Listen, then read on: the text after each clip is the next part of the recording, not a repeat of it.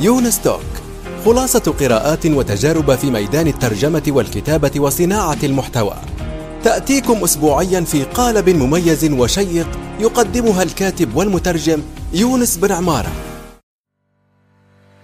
الآن وفي الأسواق وعبر شبكات التواصل. رواية إفيانا باسكال للكاتب يونس بن عمارة.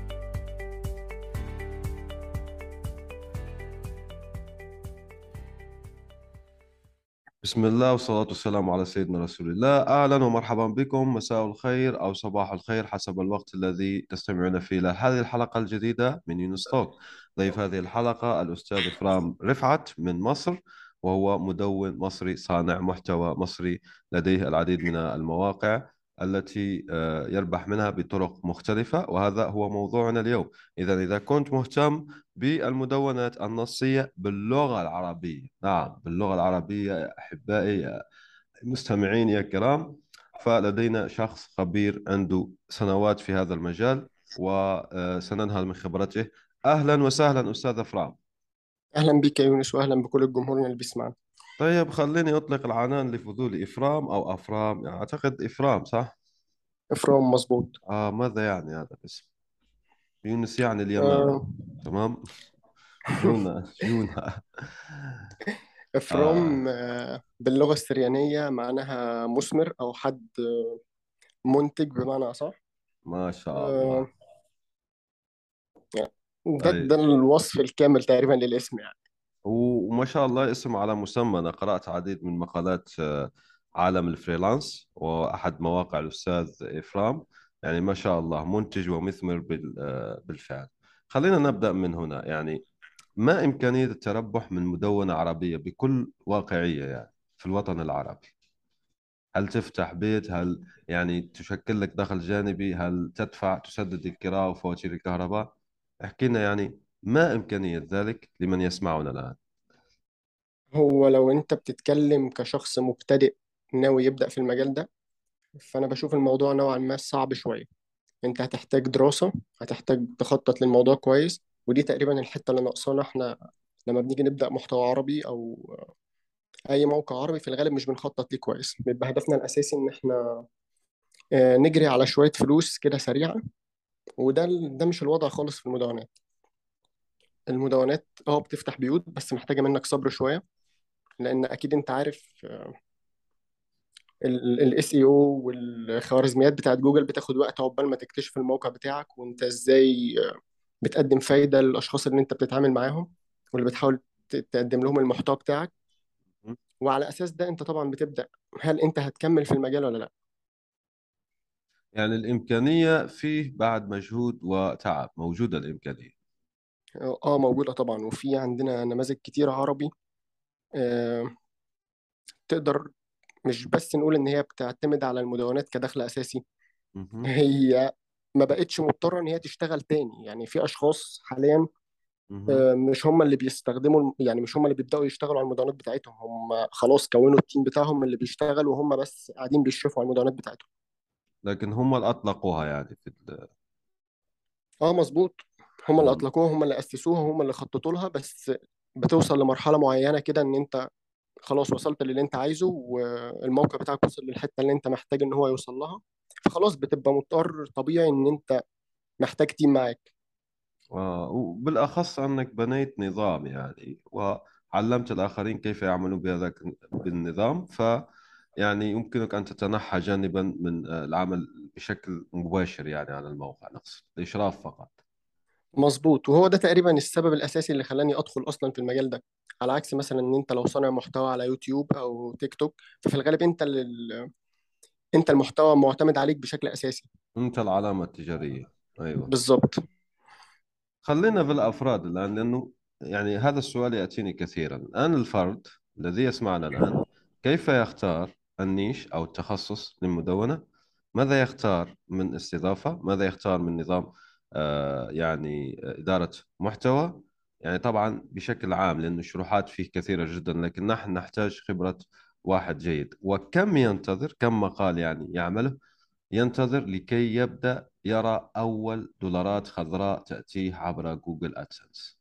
يعني يا ريت لو ترشدنا في هذه الرحلة لأنه مهمة جدا. بداية من اختيار النيش. تمام. آه ناخد جزء جزء. ال niche. آه ال niche بيعتمد بشكل أساسي على أنت عايز تكسب إزاي عايز تعمل فلوس إزاي. لو أنت عايز تعمل من أدسنس فالاختيارات بتاعتك في ال niche بتكون نوعا ما بتعتمد على أن أنت بتدخل لجوجل keywords Keyword Planner بتدخل تشوف الأسعار اللي هي ال cost per click في في ال niche بتاعك تبص على ال nicheات المختلفة تشوف ال keywords اللي موجودة في جوجل Keyword Planner هل عليها آه، bid أو بيقولوا إيه؟ آه، آه، مزايدة.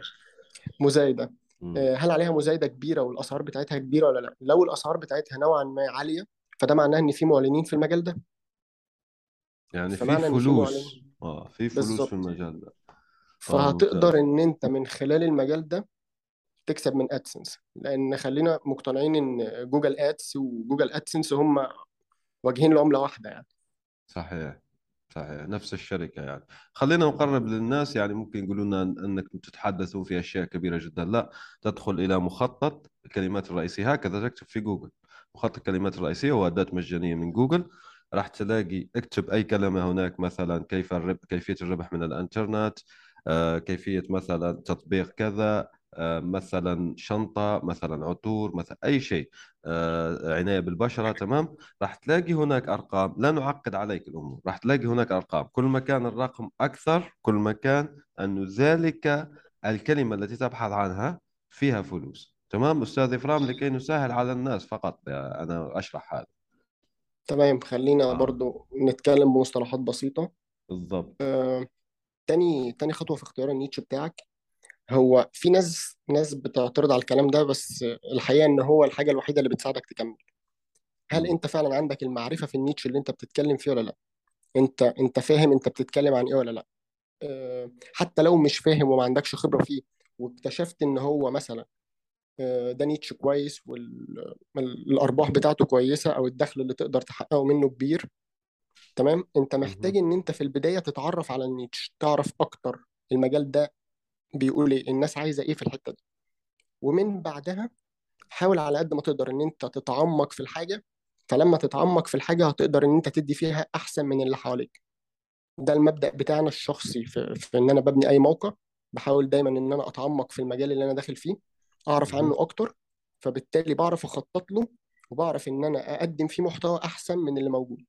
أو على الأقل آه، أبسط من اللي موجود ويقدم فاليو كويسة للناس قيمة كويسة للناس اللي هيقروا المقال بتاعي مهم.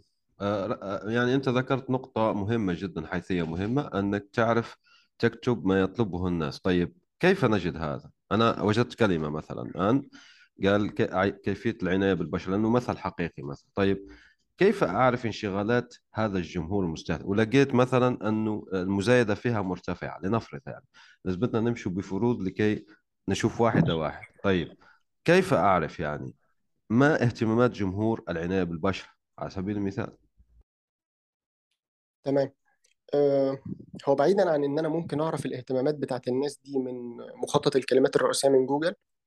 إن أنا لو كتبت العناية بالبشرة أو مثلا كتبت حاجة اسمها seed keyword أو كلمة رئيسية كلمة مفتاحية رئيسية زي مثلا البشرة. هيجي لي كلمات مقترحة تاني من الناس من من جوجل. الناس فعلا بتدور عليها وبتستخدمها. فدي طريقة اللي هي أبسط طريقة ممكن تعرف بيها اهتمامات الناس في ال niche ال niche ده إيه. آه. آه، تاني يعني حاجة راح ممكن تلاقي البشرة الزيتية راح تلاقي البشرة الجافة بالفعل هذه يعني آه، دي خبرة ممتازة جدا من إفرام يعني. فيا ريت لو تركزوا معنا هنا. تاني حاجة ممكن إن أنت تاخد منها أفكار كمان إن أنت تدخل على يوتيوب وتشوف الفيديوهات اللي بتجيب views كتيرة. اللي بتجيب مشاهدات كتيرة. آه، إيه إيه العنوان بتاع الفيديو؟ الناس الناس ال YouTubers اللي بتتكلم في المجال اللي أنت اخترته ده إيه المواضيع اللي شاغلة الناس وبيشوفوها كتير؟ طيب دي تاني خطوة تقدر منها تاخد أفكار. ممتاز. إذا في خطوات تفضل يعني أخرى يعني. آه، في آه خطوة ثالثه إن أنت ممكن بسهولة جدا تدخل على محرك البحث جوجل تكتب العناية بالبشرة. هتخش هتلاقي عندنا حاجة اسمها نتائج البحث. نتائج البحث دي اللي هي النتائج اللي بتظهر لما تدور على حاجة معينة في جوجل. أكيد كل آه الناس عارفة الكلام ده. بالضبط آه، عندنا أكتر من أكتر من خيار جوه صفحة البحث ممكن نعرف منه اهتمامات الناس ب- ب- بنفس المجال ده إيه تاني؟ يعني هم هم خلاص قرروا إن هم عايزين حاجات ليها علاقة بالعناية بالبشرة تمام. جوجل هيقترح عليك مصطلحات تانية الناس بتدور عليها في نفس المجال بتاعك. دي تقريبا أكتر كلمات الناس بتستخدمها علشان تدور على حاجات في المجال ده. وأنت تكتب يعني راح يظهر لك شيء اسمه auto suggest يعني اقتراح تلقائي تمام؟ يعني لكي نشرح للناس. وأنت تكتب راح ي... هذا المقصود صح؟ أو تقصد آه، في تحت خلص. يعني في تحت اقتراح خلص يبحث تلقائي؟ الناس آه. كمل سمعك لا تفضل تفضل. بس أنا يعني أستفسر. آه آه، ال- ال auto complete أو ال- امم الاقتراح التلقائي اللي بيتكتب لما تكتب كلمة معينة في جوجل دي بالضبط دي option من ال- من الحاجات اللي بيقدمها جوجل في ال- في الكلام ده. في حاجة تاني اللي هي لو نزلت لآخر الصفحة تحت بتلاقي برضو عناوين مواضيع تانية أنت ممكن تستخدمها. ذات صلة أيوة الصفحات أو آه، نتائج الأبحاث ذات صلة. جميل جدا. خليني أسألك هنا سؤال. هل ال- في أيضا قسم يسمى الآخرون يسألون أيضا. يعني أسئلة آه في ذلك المجال. تنفع ولا لا؟ بيبول اولسو اسك أو ال- الناس برضو بيسألوا الحاجات دي. امم تقريبا دي أكتر مصطلحات آه، ابتدت تبقى دارجة في الموضوع. حتى لو أنت يعني أنا عندي تجربة شخصية مع مع بيبول اولسو اسك دي اللي هي الصندوق الناس يسألون أيضا ده. مهم. آه، كنت جربت إن أنا آخد آخد مصطلحات منه. أشوفها في في أدوات الكلمات المفتاحية اللي إحنا اتكلمنا عليها من شوية اللي منها مخطط كلمات جوجل. لقيت لقيت إن عدد عدد كلمات عدد مرات البحث عن الكلمات دي قليلة. في الأدوات بس لما حاولت إن أنا أكتب موضوع عن الحاجات دي واستخدمت أكتر من مصطلح فيها لقيت إن مرات البحث عن المصطلحات دي أكبر بكتير من اللي موجود في الأدوات وهذا ما نبه ممكن خبراء الاس أو أن مخطط كلمات تقريبي بس لكن لا يعطي لك الرقم الدقيق صراحة. آه ده لو أنت مثلا بتشوف الإحصائيات بتاع الموقع بتاعتك دايما آه. وبتلاحظ الكلمات اللي أنت بتستخدمها هتلاقي إن فعلا ال... كل الأدوات دي تقريبا بتديك رقم توجيهي يسموه. آه ال... هو هو الكلمة دي أو الموضوع ده الناس بتدور عليه فعلا ولا لأ؟ لكن كعدد محدد لل للكيورد ده أو الموضوع ده لأ مفيش الكلام ده. طيب ممتاز جدا. الآن عرفنا يعني كيف نختار آه ونعرف أن الناس تبحث عليه وفيه فلوس وكيف نجد اهتمامات الناس بها. ذكرت بارك الله فيك آه عدة طرق. إذا عندك طرق أخرى تفضل. إذا ما عندك راح ننتقل يعني إلى الخطوة التالية. هو في أكتر من طريقة تانية بس إحنا ممكن نقولهم بسرعة لأن في الغالب الناس مش هتستخدم ده كتير. آه خلينا نتكلم مثلا لو أنت بتتكلم لو أنت بتدور على كتب أو لو أنت الموقع بتاعك متخصص في كتب أنت ممكن في في موقع تاني ممكن خلينا نتكلم في السهل برضو مم. ممكن تدخل على أمازون وتشوف كل الكتب اللي عليها تقييمات كبيرة وتستخدم العناوين بتاعت الكتب دي ككلمات رئيسية لمقالاتك طيب آه ممكن سؤال تد... أمازون الأمريكي لأنه فتح في مصر الآن أمازون اللي يسمعون المصريين والسعوديين ينفع أعتمد هذه الطريقة في أمازون آه، السعودية وأمازون مصر؟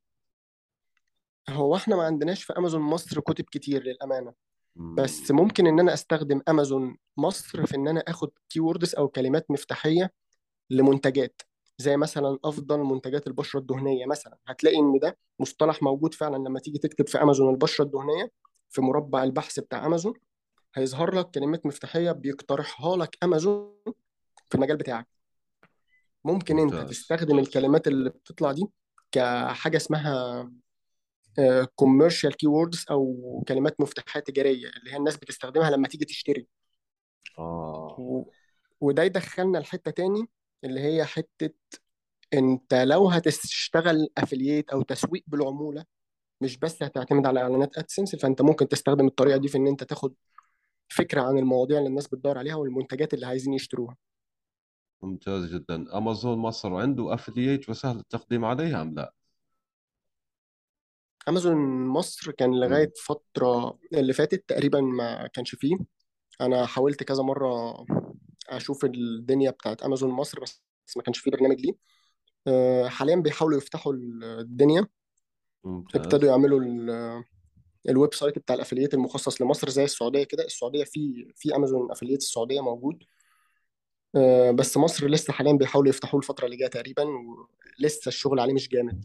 ممتاز. بس بس إحنا في عندنا أسواق أخرى أيوة فيها آه يعني كنت لسه العملة هكمل. عندنا منصات كتيرة فعلا في مصر ممكن نقدر نشتغل عليها تسويق بالعمولة سواء من على موقع أو من غير موقع.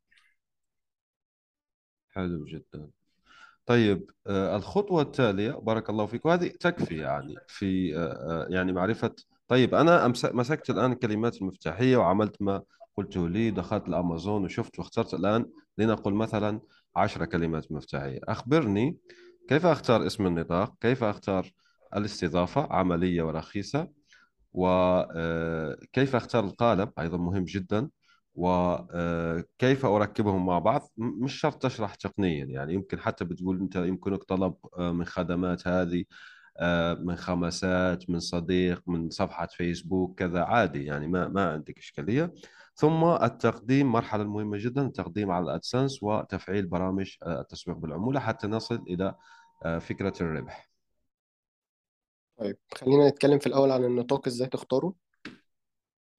آه. آه خلينا نقول إن النطاق مش آه بص هو حاجة مهمة بس خلينا نقول مش هيتوقف عليه فكرة إطلاق الموقع أو لأ.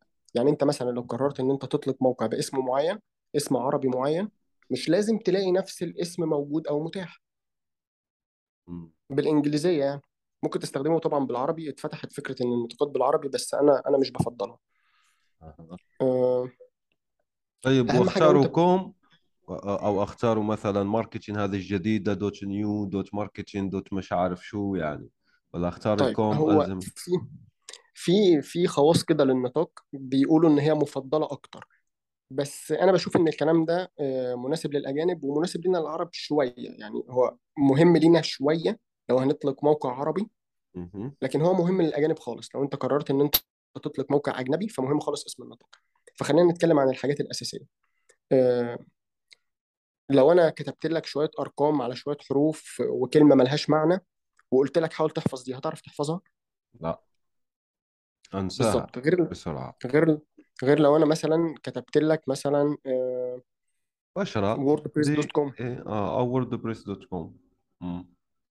ده موقع اسم صغير آه، الناس بتفتكره دايما. هي دي صحيح. هي دي الأساس بتاعي في إن أنا بختار النطاق. لازم أختار نطاق سهل. سهل النطق بتاعه اعرف أنطقه بس- بسهولة. آه، سهل إن أنا أحفظه. وفي الآخر ما يبقاش فيه أي أرقام أو حروف غريبة فالناس تتشتت. يعني ما أستخدم مثلا آه، آه، الستة وأقول أنه هي طاء. آه، مثلا. إحنا عندنا على فكرة عندنا مواقع عربية بتستخدم ده. أيوه أيوه. لهذا ذكرتها يعني. انت انت انت يعني بتقول خلينا نتجنب هذا الموضوع. الستة تكون طاء وما شابه وكذا تمام؟ آه، يونس خليني يعني مثلا خليني أسألك. انت انت يمكن في المجال ده شوية فممكن تكون بتركز في أسماء النطاقات شوية أيوه.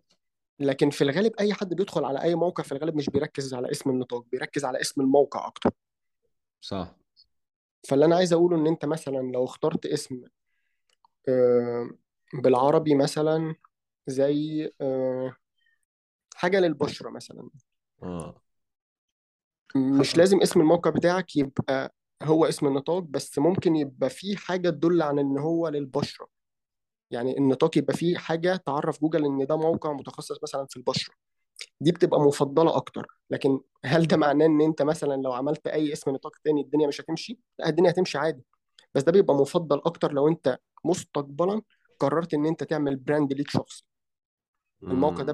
بقى ال brand بتاعك فلازم علشان العلامات التجارية التانية أو المعلنين يشوفوا إن أنت واحد احترافي نوعا ما فلازم يشوفوا إن اسم النطاق بتاعك هو اسم الموقع آه، هو نفس اسم حساباتك على ال social media هو نفس اسم قناتك على يوتيوب. ك brand كامل أو علامة تجارية كاملة على بعضها بنفس كل حاجة آه ممتاز جدا طيب اخترنا اسم النطاق. من أين نشتريه هو والاستضافة؟ وأي استضافة تستخدمه أنت آه وتنصح بها المبتدئين؟ ماشي. هو أنا أنا لو تحب في تكمل في في قصة اسم النطاق. نحن لا نريد تع- تعقيد الأمور لأنه أنا وأنت يعني يمكننا الحديث عن اسم النطاق في حصة كاملة صراحة. تمام؟ يعني ما شاء الله عليك وكذا. بس أنا أريد لا هذه للمبتدئين. خلص أنت أعطيته أهم النقاط بارك الله فيك. فنريد أنه أنت زي ما حكيت أنت لخصت كل شيء أنه ما تركز كثيرا لأنه البداية أهم من اسم النطاق صح ولا لا؟ لأنه هذا راح نركز عليه. تمام. طيب الآن اخترت اسم النطاق مثلا خليني أختار بسذاجة dry بشرة. بشرة هكذا. dry اكتب dry بالإنجليزية أو أويل وأزيد لها كلمة بشرة ودوت كوم. خلص هذا عقلي شو أداني أنا تمام؟ فين أشتري هذا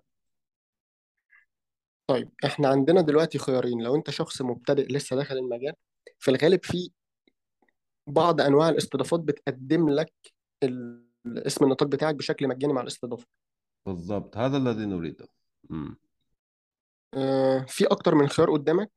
آه، أنا حاليا لأن المواقع بتاعتي نوعا ما أنا بحب أعمل مواقع اسمها niches أو micro niche حاجات صغيرة مش بحب المواقع العامة اللي عليها عدد كبير من الناس والكلام ده لأنها مش بتكون مستهدفة. فنوعا ما بعض المواقع مستضيفها على بلو هوست ولو أنت فعلا ناوي تكبر الموضوع أو تكبر ال... تكبر الموقع بتاعك ويبقى عليه عدد كبير فأنت مضطر في فترة من الفترات إن أنت تنقل من بلو هوست تاخد إما استضافة managed استضافة آم، ال- الاستضافة بتوفر لك كل الامتيازات اللي فيها. على عكس بلو هوست بتوفر لك امتيازات أكتر للمحترفين أكتر. بس مهم. كبداية أنت ممكن تستخدم حاجة زي بلو هوست أو هوست جيتور أو ممكن تستخدم A2 Hosting الثلاثه دول كويسين كبداية. طيب كم تكلفه في العام؟ لأنه نحن راح نتحدث عن استثمار صغير الآن من المال والوقت. كم راح تكلفه لو اخترنا بلو هوست كبداية دايما بنصح إن أنت في الغالب هتبدأ على موقع واحد ما تختارش أي استضافة فيها أكتر من موقع. آه، وخلينا نقول كمان إن أنت مش هتحتاج استضافات اللي هي فيها مميزات ضخمة لأن أنت برضو لسه بتبدأ. وتكون بتوفر لك كل الحاجات الأساسية اللي أنت محتاجها. فخلينا نتكلم في الخطة الأولى لبلو هوست اللي هي ال shared hosting اللي هي الاستضافة المشتركة. أنت بت... بتستضيف موقعك مع مواقع تانية. أيوة. أنتوا طبعا مش بتدخلوا في بعض بس يعني هي اسم الاستضافة كده بس يعني. آه هذا شرح تقني يعني للموضوع لكن هذا هو اللي أنت تنطلق منه وبعد سهل يسمى ترحيل الموقع يعني ما تقلق فيه من ناحية الترقية يعني ما راح آه، تجد نقل إشكالية الموقع نقل الموقع من استضافة أو من نوع الاستضافة لنوع استضافة تاني ده سهل جدا وممكن حتى الدعم بتاع الاستضافة يعمله لك لو أنت مش عايز تدخل في في حاجات تقنية. آه. معظمهم عندهم آه، دعم فني 24 ساعة آه، سبعة أيام في الأسبوع مثل نايم شيمب يعني. كل ال... كل الاستضافات كده كل الاستضافات آه عندها آه. فعلا استضافة. يعني حتى بلو في شرسة معاهم يعني. فهم لو أنت تقول له راح أرحل عندك يرحب بك يعني بالأحضان منافسة كبيرة بينهم يعني. آه، منافسة ضخمة وعلشان كده كله بيحاول يقدم للمبتدئين مخصوص كل الامتيازات اللي هي الخاصة بالدعم. تمام. طيب اخترنا بلو هوست كم راح يدفع في العام؟ ل آه، آه، dot com واستضافة مشتركة عادية. في السنة الأولى آه، بلو هوست بتعمل تقريبا عروض دايما فأنت هتدفع 3 دولار في الشهر للاستضافة وال domain مع بعض. 3 دولار أو 3 ونص دولار الأسعار حاليا مش عارفها كويس. أها. فممكن نتكلم في range 3 دولار. هي تقريبا بتبقى 2 دولار 69 سنت يعني خلينا نقول 3 دولار ك total يعني. ويمكن دفعها بالشهر واحتمال أنه في تخفيض أكثر لو تشتري بالسنة صح؟ أه لا هي بتبقى حوالي 3 وحاجة أو 5 وحاجة بالشهر فأنت لما بتدفع بالسنة بتبقى 3 فأنت هتدفع 36 دولار وتاخد استضافة ودومين مع بعض يعني كاستثمارك المبدئي المبلغ المبدئي اللي أنت هتدفعه تقريبا 36 دولار. تمام جدا. طيب كيف يركب ووردبريس وأين يشتري القالب؟ وأي قالب يختار. بالضبط. هي مشكلة اختيار القالب مشكلة كبيرة.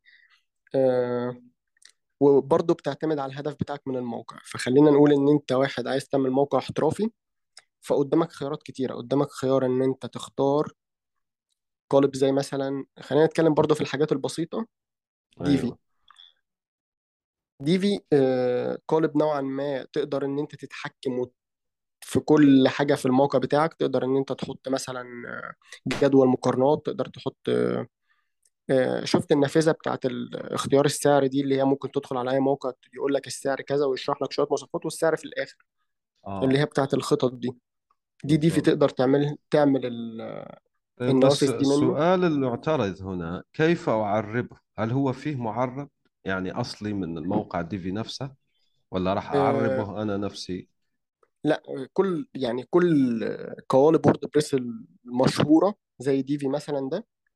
آه خيار التعريب فيه جاهز يعني انت الموقع أصلا موفر لك اللغة العربية موجودة وجاهزة فيه أصلية رسمية RTL يعني أنا كلمتهم لما تواصلت معاهم من فترة مه. آه، قالوا لي بيدعموا اللغة العربية وال RTL اللي هو من اليمين يمين للشمال آه ممتاز جدا. يعني راح يظهر موقعك عربي ما تخاف. هو الموقع إنجليش صحيح. تمام؟ بس هو لما تشتري القالب.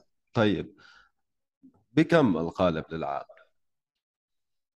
أو عندهم خطة؟ يعني ادفع مرة واحدة بس. آه أنا يعني أنا كنت بعاني نوعا ما من فكرة الاشتراك الشهري للقوالب والكلام ده. آه، الميزة هنا إن أنت فعلا بتشتري القالب لمرة واحدة بس هو غالي شوية. لأنك تقدر تستخدمه على أي موقع مهما كان أو أي عدد مواقع مهما كان. فهو سعره حاليا 225 دولار. نهائي تدفعها مرة واحدة بس يعني. تدفعها مرة واحدة وتقدر تستخدمها أو تقدر تبيعها كمان لأي حد تاني عايز يشتريها. فأنت ممكن تبيع النسخة من القالب مثلا بخمسة دولار أو ستة دولار أو سبعة دولار وتقدر تلم حق حق القالب تاني. كأنك بتستثمر فيه يعني وتبيع وتشتري. آه ممتاز جدا. وتستخدمها فيما شئت من مواقع يعني. مظبوط. هو مش بيديك عدد معين زي أغلب القوالب أغلب القوالب الموجودة لا هو بيقول لك تقدر تستخدمه على أي عدد مواقع عادي. طيب ولو يسمعنا واحد الآن ويقول لنا قالب مهاراتي وقالب جنة جيدين والقوالب العربية تلك في متجر بيكاليكا وغيرها والمستقلين أي كثر تمام؟ آه يعني خيار خيار أرخص. لكن لماذا أنت لا تختاره مثلا؟ قالب أو تستخدم الإليمنتور أصلا. يعني وهي إضافة بتسهل عليك عمل المواقع. إليمنتور إضافة كويسة جدا و... وهتسهلك خالص وتساعدك إن أنت تبقى احترافي بشكل كبير. بس تاني أنا أنا مش بحب فكرة الاشتراك الشهري. ولو فكرت في الموضوع إليمنتور نوعا ما آه، مكلفة شوية لواحد عنده أكتر من موقع.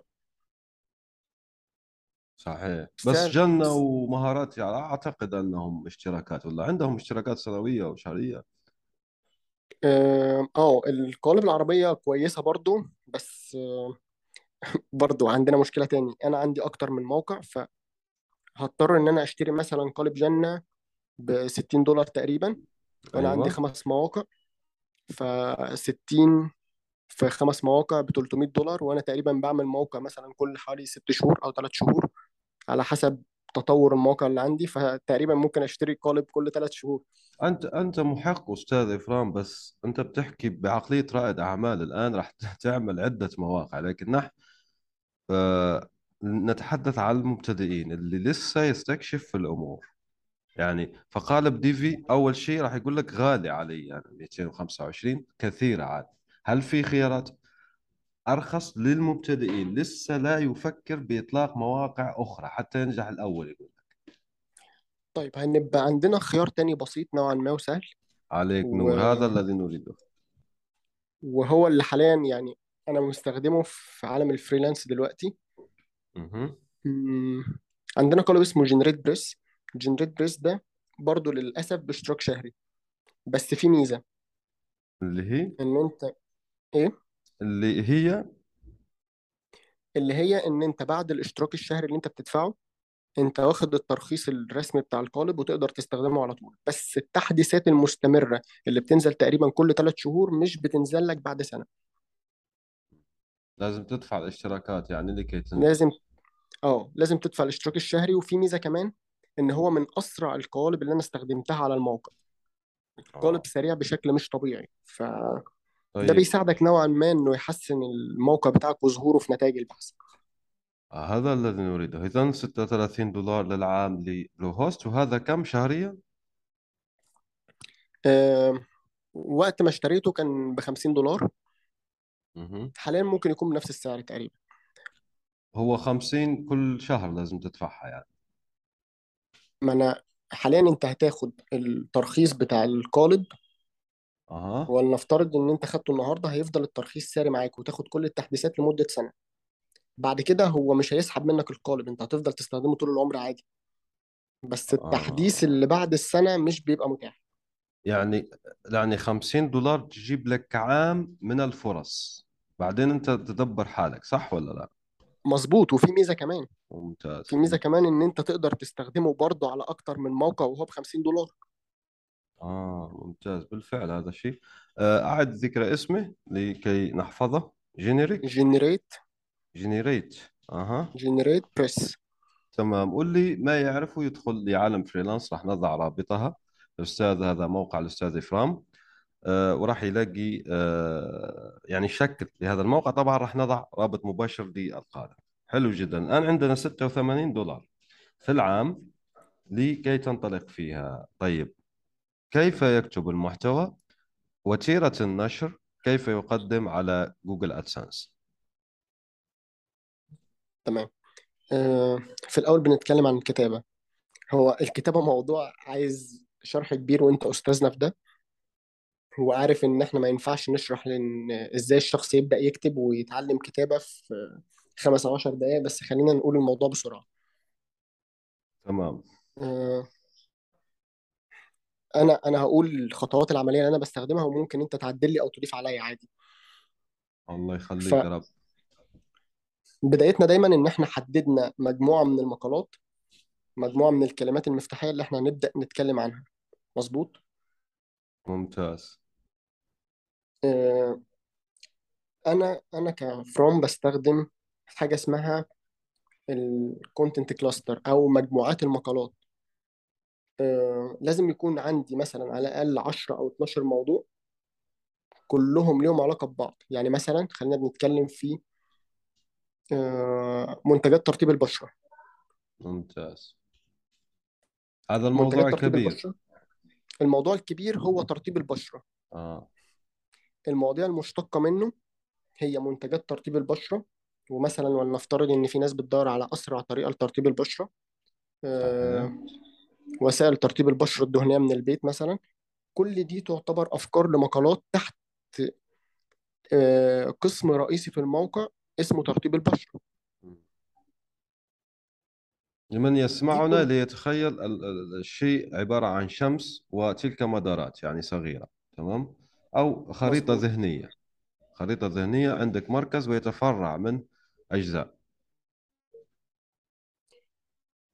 ببدأ بقى في مرحلة الكتابة بتاعتي إن أنا خلاص خدت مثلا خدت موضوع من المواضيع الصغيرة مهم. اللي هي مش المواضيع الأساسية مش الموضوع الأساسي اللي هو ترطيب البشرة لأ خلينا نتكلم في منتجات مثلا البشرة الدهنية آه، أول مرحلة عندي إن أنا ببدأ أدور إيه المنتجات اللي واخدة تقييمات كويسة اللي الناس بتشكر فيها اللي الناس استخدموها وشافوا فعلا نتائج منها وأبدأ إن أنا أرتبها مثلا من ال... من الأكتر من حيث التقييمات للأقل آه في خلينا مقال قوائم نتكلم في يعني انها مرحلة البحث. أنا ببحث عن المعلومة اللي هكتب عنها. تمام. وببدأ إن أنا بنظم كل اللي أنا دورت عليه و... وعرفت إن أنا أستخلصه من المواقع التانية. تمام. آه عدد الكلمات؟ تمام. يعني كم عدد الكلمات؟ لنفرض أنه خلاص اخترنا آه، البشرة البنية وأفضل عشر منتجات البشرة البنية ب- آه، زيتية أو جافة في كذا مثلا في الجزائر أو في موريتانيا. أوكي. كم كلمة هذا المقال؟ من واقع خبرتك أنت لكي يأتيني بالزيارات. مم، مفيش أي حاجة بتقول إن المقال يبقى ليه عدد كلمات معين مفيش أي مقال في الدنيا ينفع أقول لك إن ده يبقى لازم يبقى عدده 1500 كلمة وده يبقى عدده 1000 كلمة وده يبقى عدده 2000 كلمة مفيش الكلام ده. طيب بس وأي في حد حدد أدنى ولا لا؟ يعني واحد لو يكتب لك الآن ثلاثة أسطر هل تعتبره مقال؟ لأنه الناس ما راح تفهم كلامك يعني ما في رقم أنه خلص في حد إذا في حد أدنى أخبرنا به.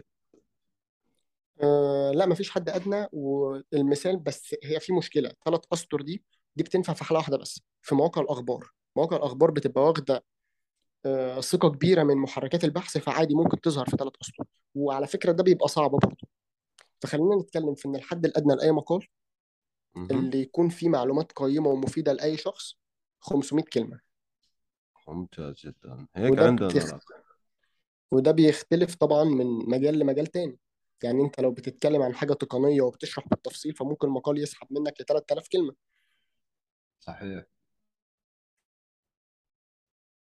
تمام. الآن عرفنا يعني بشكل عام زي أنت ما حكيت يعني لن نطيل في قصة المقالات لأنه هي موضوع بحالة وأنا كتبت عنه كثير وأيضا الأستاذ إفرام في عالم فريلانس أيضا كتب عنه.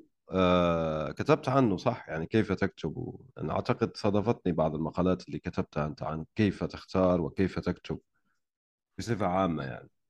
في آه، في أكتر من مقال في تقريبا حوالي 10 أو 15 مقال عن الكتابة. ممتاز آه، جدا. يمكن مش متخصصة بشكل كامل عن إزاي تكتب محتوى بس هي بتساعدك نوعا ما تعرف أنت إزاي تبدأ في المجال ده وإزاي توصل للمصادر الكويسة اللي تتعلم منها.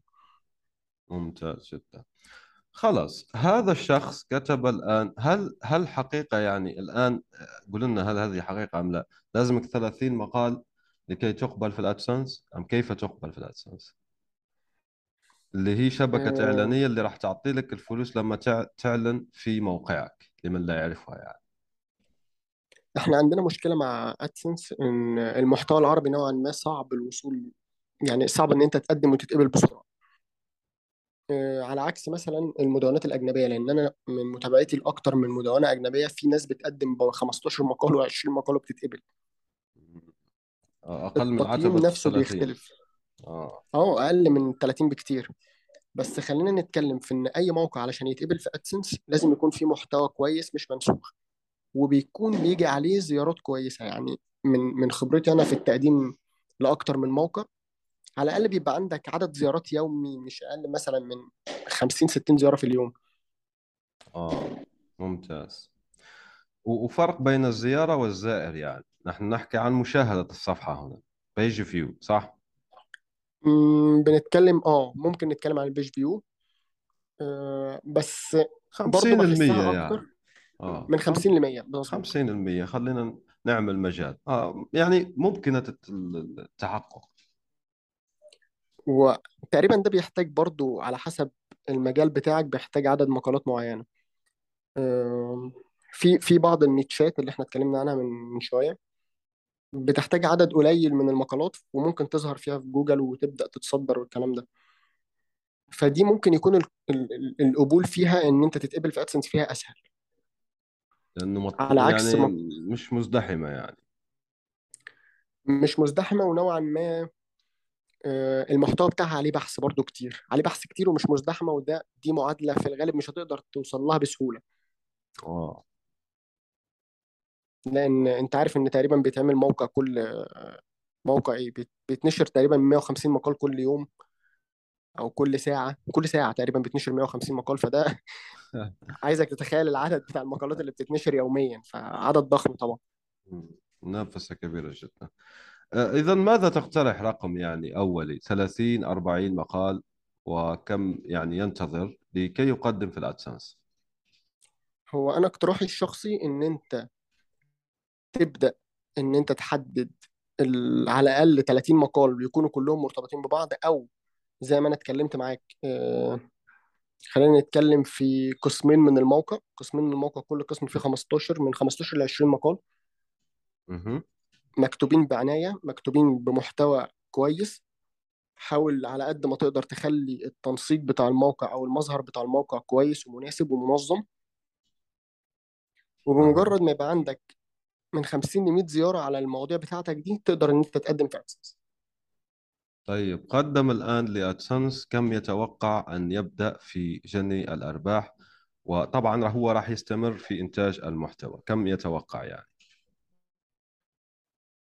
من آه، وقت خلينا نتكلم في إن 50 ل 100 زيارة في اليوم آه، أرباحها قليلة جدا. أنت على الأقل عايز في المحتوى العربي وطبعا برضه هفضل أتكلم في إن ده بيختلف من مجال لمجال. بس خلينا أيوه. نتكلم في المتوسط وعلى حسب المجالات اللي أنا اشتغلت فيها.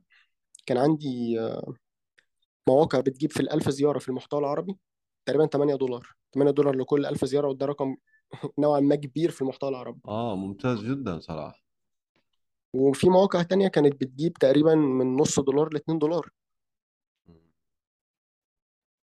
فعلى حسب التخصص اللي أنت داخل فيه آه، فال 50 ل 100 زيارة تقريبا إحنا بنتكلم في 3000 زيارة في الشهر. فإحنا لو اتكلمنا في 3000 زيارة في الشهر وال1000 فيها بتجيب 8 دولار فإحنا بنتكلم في 24 دولار تقريبا.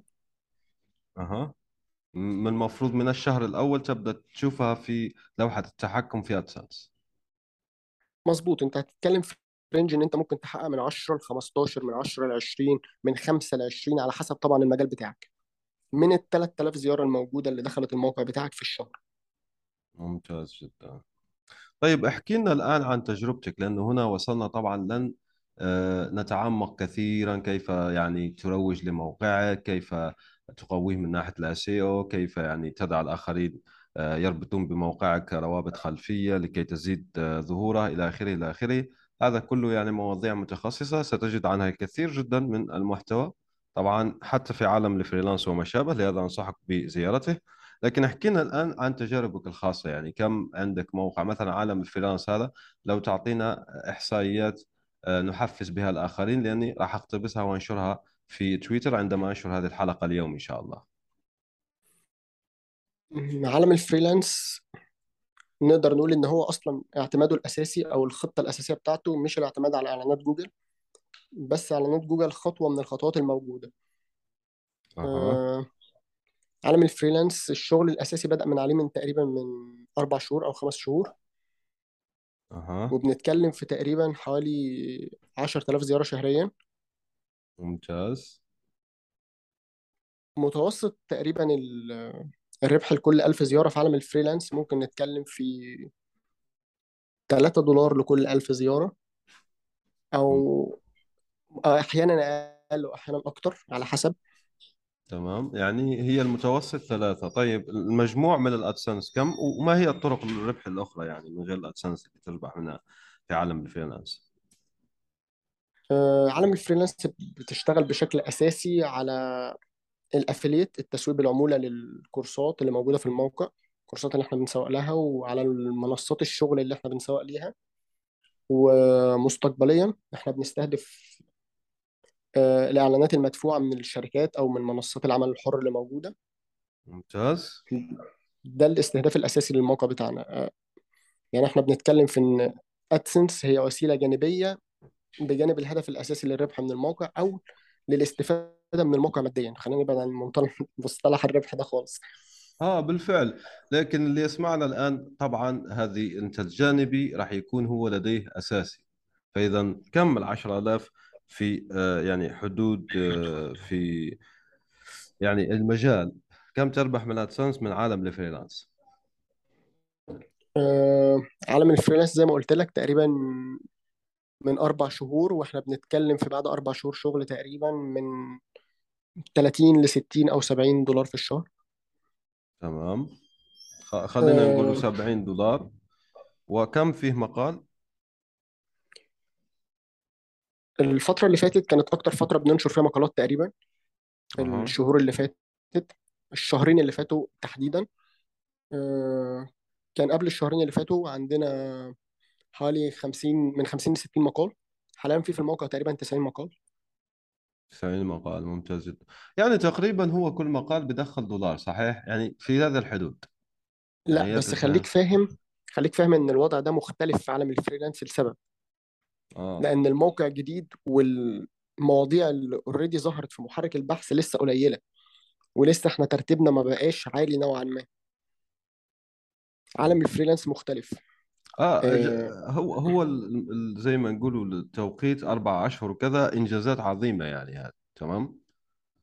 إنجازات عظيمة بالنسبة لسرعه يعني التقديم وعدد المقالات وقبولك في ال AdSense. تمام؟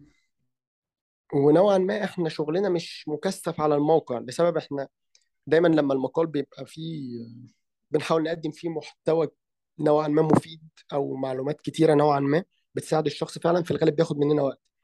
فإحنا بنتكلم إن المقال الواحد تقريبا بياخد من يومين لثلاث أيام مننا. طبعا إحنا يعني لأن الشغل على عالم الفريلانس مش هو. يعني مش هو الشغل الوحيد اللي بنشتغل عليه. آه عندك لكن لو حد طبعا المواقع.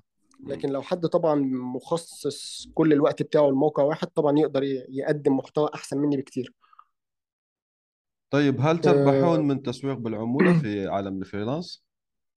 آه، عالم الفريلانس فيها تسويق بالعمولة لمنصات آه، فوركس نوعا ما. هي يمكن قليلة أو مش فوركس هي تداول أسهم خلينا نبعد عن الفوركس خالص لأن شغل الفوركس آه، مجال صعب نوعا ما إن هو يدخل في عالم الفريلانس. إحنا بنتكلم في الأسهم كوسيلة نوعا ما لل- للدخل السلبي.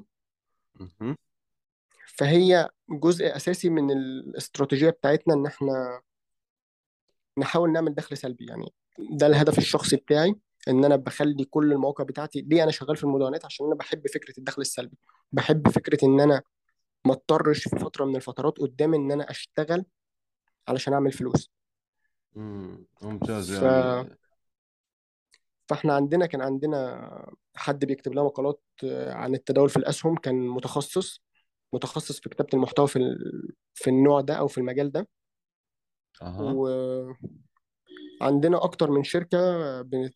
بنسوق بال aff... بال... بالعمولة ليها. وعندنا مثلا application زي أو بلاش نتكلم عن نوع ال application آه بس هو application للتداول في البورصة المصرية. ده برضه بنسوق له في في الموقع بتاعنا. تقريبا كانت الأرباح منها ممكن نتكلم ف range affiliate من 150 ل 300 دولار affiliate في نفس الفترة. يعني في في الشهر 150 دولار. لا مش في الشهر هو في الشهرين اللي فاتوا كان ال range من 150 ل 300 فاحنا بنتكلم في تقريبا مثلا من 75 ل 100 في الشهر. مهم. فدي مع بجانب ال- الأرباح الخاصة ب AdSense كموقع لسه بيبدأ طبعا. نوعا ما نقدر نقول إن هو مجدي نوعا ما. آه 170 دولار يعني. خلينا نقول 170 دولار لأني راح أسجل الرقم الأخير. أنا واقول من التسويق كذا من ادسنس كذا وخلاص. لأنه هنا نحن نتحدث على إمكانية يا جماعة الخير. يعني نهاية المطاف. طيب آه خليني أعطي لك هذه يعني خليني أطرح هذا السؤال لكي يعرف هو قيمة ما بنيته من موقع طيب الشقة الآن في مصر اللي آه، تكترى تؤجر ب 170 دولار كم قيمتها لو تحب تشتريها؟ الآن لو لا السؤال شقة تاني الشقة علشان ما سمعتش. ها ما في مشكلة. شقة في مصر الآن في منطقتك تمام؟ مم. تؤجر ب 170 دولار. لو تحب أنت تشتريها كم تدفع؟ يعني إحنا بندفع كتير كم في يعني تقريبيا أعطيني بالدولار كم هي تؤجر ب 170 في الشهر تمام؟ بالدولار هيبقى الموضوع صعب نوعا ما ولو بنتكلم في المنطقة اللي أنا عايش فيها مم. فالدنيا غالية يعني في وبالدولار حدود آه في حدود ال 30 ألف دولار صح؟ الشقة لا في حدود تكون أكتر من كده 50 ألف يعني ممكن تصل. ممكن نتكلم في حدود 50 ل 70 ألف مثلا. مم. ممتاز. فهكذا لازم أنا في في ذهني أنك تعامل موقعك على أنه أصل رقمي هذه قيمته المستقبلية. أنه كما تعرف في في عالم الاستثمار هو أنك تراهن على القيمة المستقبلية للاقتصاد تمام؟ يعني الدولار اللي أو الجنيه الذي ماذا ستكون قيمته في المستقبل؟ هذا يقول لك فيوتشر دولار أو الدولار المستقبلي. آه، كان الحديث معك أستاذ آه، إفرام ممتع جدا. إذا عندك أي إضافة بما تنصح من يريد دخول آه، تدوين باللغة العربية كخاتمة لهذا اللقاء الممتع. النصيحة الوحيدة إن أنت لو بتحاول تبني موقع حاول. نوعا ما تصبر على ال... على الناتج أو العائد بتاعه. حاول على قد ما تقدر إن أنت تبني محتوى كويس.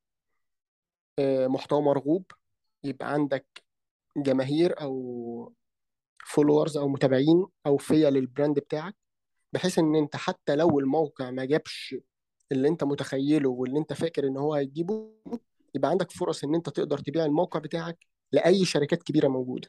عندنا أكتر من مثال في المحتوى العربي لمواقع اتباعت فعلا واتباعت بأرقام ضخمة. فحاول يبقى ده هدفك واتكل على الله وابدأ وهتلاقي الدنيا ماشية وكويسة.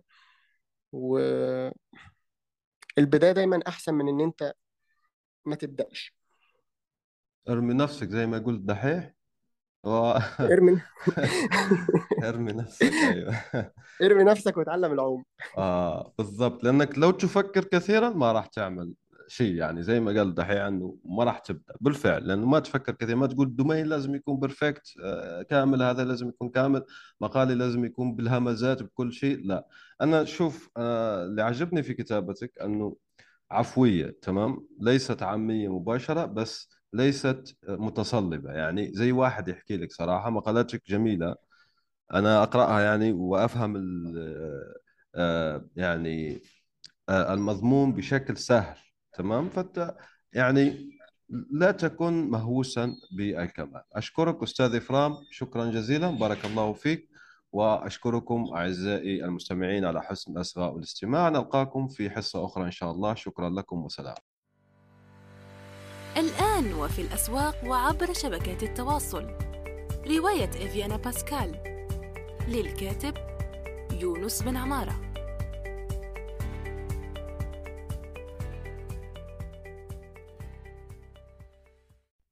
نأمل أن يكون موضوع هذه الحلقة قد نال استحسانكم. انتظرونا في الأسبوع القادم ولا تنسوا مشاركة الحلقات والاشتراك بالبودكاست. علما أنه بإمكانكم مراسلتنا باقتراحاتكم للتحدث عن أي موضوع يتعلق بالكتابة والترجمة وصناعة المحتوى.